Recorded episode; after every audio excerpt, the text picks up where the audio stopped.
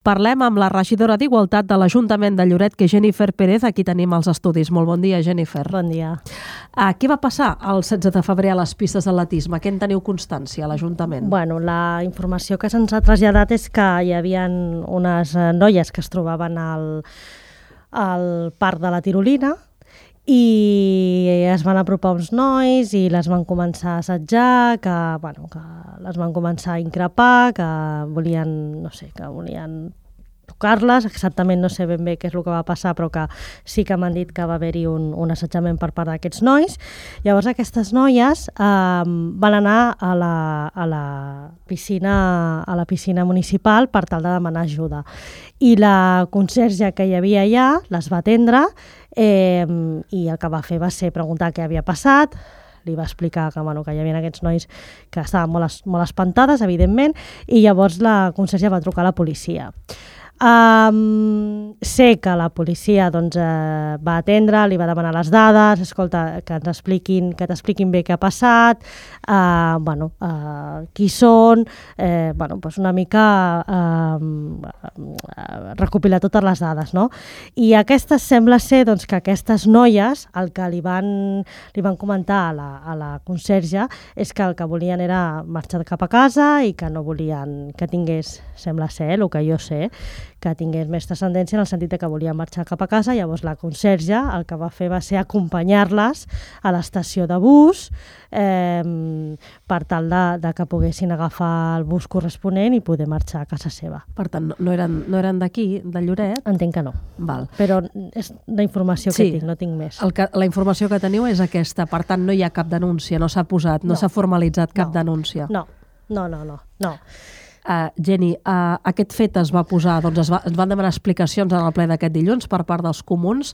Davant de situacions com aquesta, tu com a regidora d'Igualtat, què recomanes a, a la gent? Sí, bueno, uh, l'actuació la, d'aquestes noies, eh, he de dir que l'actuació de les noies i que l'actuació de, la de la conserge en tot moment eh, va ser correcta en el sentit de que, bueno, de que eh, no les va deixar soles en cap moment, les va acompanyar a l'estació de bus i, i al final doncs, bueno, el que va fer va, va seguir, diguéssim, les directrius d'aquestes noies. No? Aquestes noies el que volien era marxar cap a casa i aquesta senyora, aquesta conserge, les va acompanyar.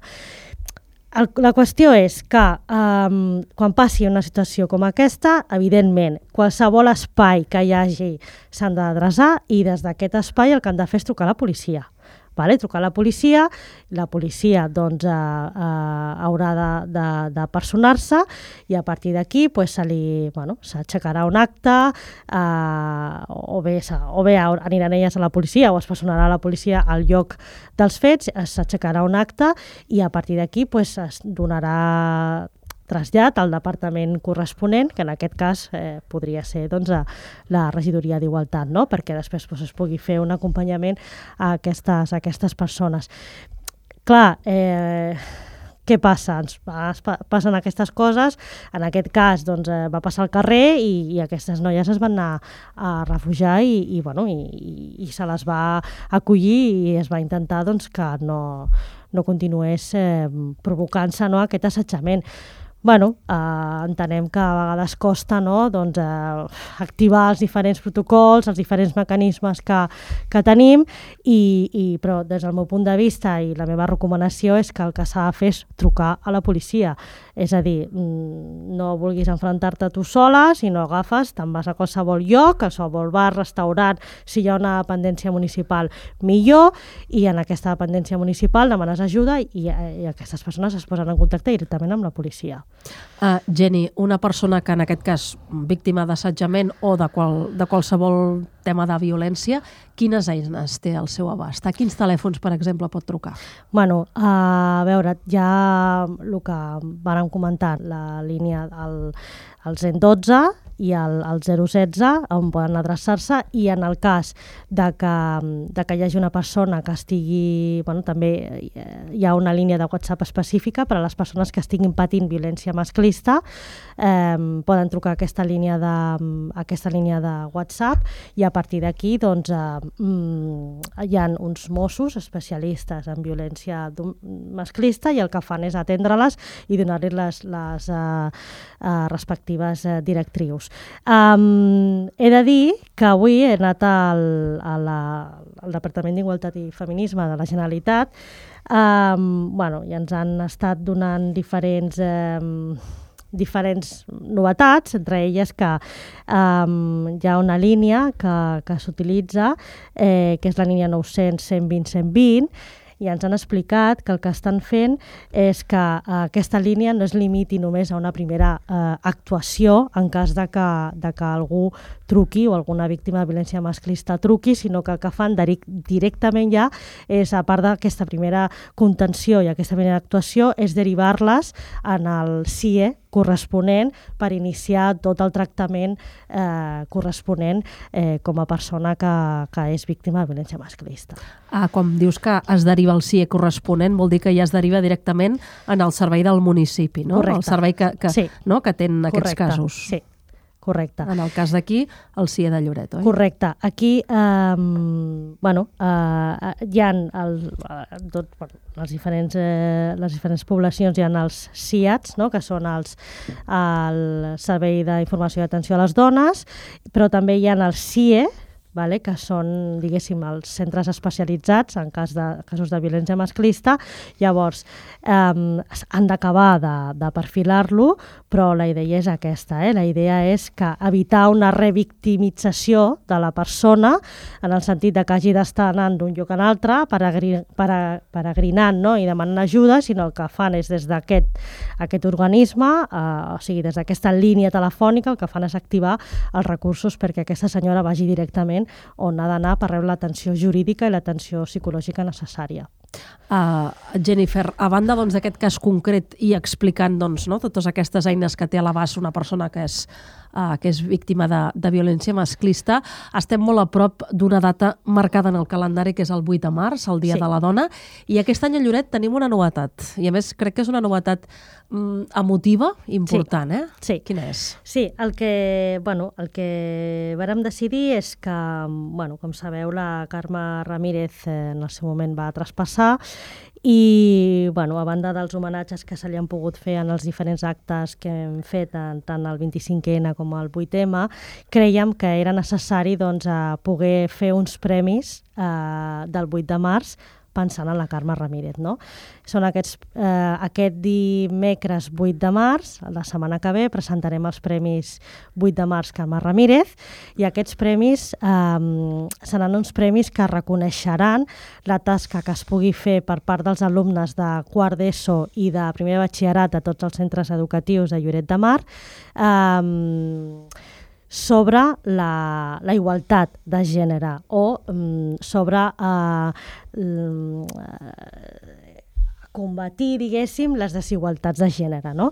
Um, què fem? Què farem? No? Quin serà l'objecte? L'objecte serà que aquestes, uh, les persones que vulguin participar puguin, puguin preparar o bé un relat, que ja explicarem la, el La- tamany no? sí, d'aquest sí, sí. d'aquest relat, el Sí, tipus una de mica- lletra, sí, ta, ta, ta, el tot mica format... les, les condicions, el format, Correcte. el nombre de pàgines, etc. Eh? sobre la igualtat de gènere, eh, o bé eh, a través d'un dibuix, eh, bueno, un mural, un collage, una foto que pugui expressar eh, la igualtat o en contra de la desigualtat de gènere.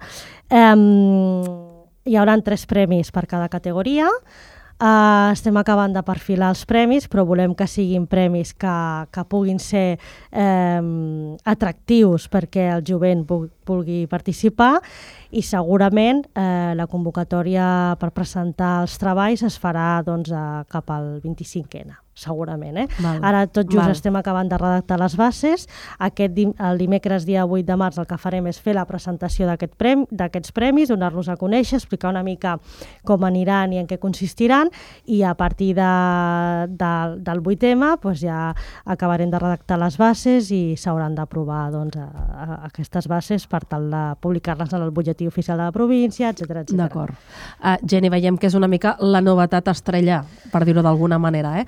D'aquest 8 de març, uh, que engloba actes, si no ho dic malament, que ja comencen a, aquest cap de setmana, oi? Sí, sí, sí. Aquest, bueno, aquest divendres eh, hi ha el Casal de la Gent Gran, eh, penjarà un, un tapís amb motiu del, del 8M i després tenim actes al llarg de tota, de tota la setmana, eh? així que recordi el dia 7 eh, tenim un acte marcat dins dels actes de la capital de la cultura catalana eh, i eh, ve la, bueno, una humorista lloretenca, la Eva, La Eva Cabezas, Cabezas. que ens farà doncs, un monòleg sobre, sobre les talles bueno, sobre les, les talles, bueno, tots els estereotips de, de, del, del cos, no? bueno, una mica eh, perquè puguem riure una estona i, bueno, i aprofito, eh, jo ja vaig agafar entrades en el seu moment, aprofito que la gent s'animi perquè la veritat és que eh, si no m'equivoco són 5 euros l'entrada, si no m'equivoco, a través de la plana web del teatre i que val la pena perquè l'he escoltat diverses vegades i ho fa molt bé. En donem fe, és molt divertida, l'Eva. I, I a part, el dimecres um, sortirem ja a les aurores a, les 6 de, a partir de les 6 de la tarda des de la plaça de l'Ajuntament. Sortirem uh, fent una marxa um, fins, a, fins, la, fins al teatre. I a partir de les 7 de la tarda començarem els actes de, institucionals que bueno, aquest any ho hem volgut emmarcar en el talent femení, eh, tant el talent més infantil com el talent jove i, i el que farem és eh, actuacions de dansa de, de les escoles de Lloret um, i després també volem que actuïn les uh, cantants que tenim aquí, el, la, la cantants lloretenques, no? uh, com som la Trama i la Laura Givert, i en definitiva doncs, mostrar el talent que tenim aquí, el talent en femení i una mica reivindicar no, en contra de, de, de les barreres que ens trobem les dones eh, en el món laboral, en el món artístic, etc etc. Doncs eh, déu nhi tot el que hi ha previst, no? el dia 8M i al voltant no? Sí. d'aquesta data assenyalada al calendari. Ho anirem explicant aquí des de la ràdio. En qualsevol cas, Jennifer Pérez, regidora d'Igualtat, moltes gràcies per venir fins aquí i explicar-ho tot. Gràcies i bon dia. Gràcies a vosaltres.